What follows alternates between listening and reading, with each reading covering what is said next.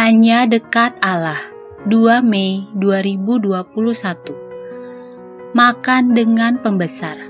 Amsal 23 ayat 1 hingga 3. Bila engkau duduk makan dengan seorang pembesar, perhatikanlah baik-baik apa yang ada di depanmu. Taruhlah sebuah pisau pada lehermu bila besar nafsumu. Jangan ingin akan makanannya yang lezat itu adalah hidangan yang menipu.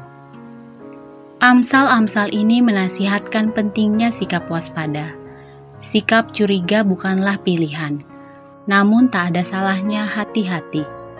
Bagaimanapun sikap pembesar itu boleh dikata anomali. Sehingga dalam Alkitab BMK tertera, jangan rakus akan makanan enak yang dihidangkannya. Barangkali ia hendak menjebak engkau. Yang sungguh penting adalah sikap mawas diri. Itu berarti senantiasa siap mengoreksi diri secara jujur. Nggak lucu bukan jika tindakan kita malah akan dijadikannya bahan tertawaan? Amsal ini tentu akan menasihatkan hal berbeda jika kita berada dalam posisi si pembesar.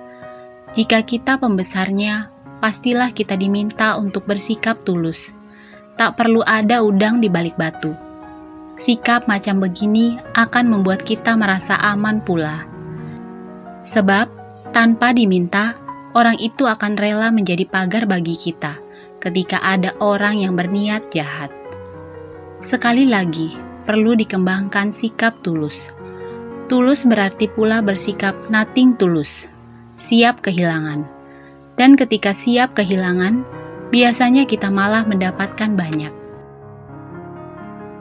Salam semangat dari kami, Literatur Perkantas Nasional. Sahabat Anda bertumbuh.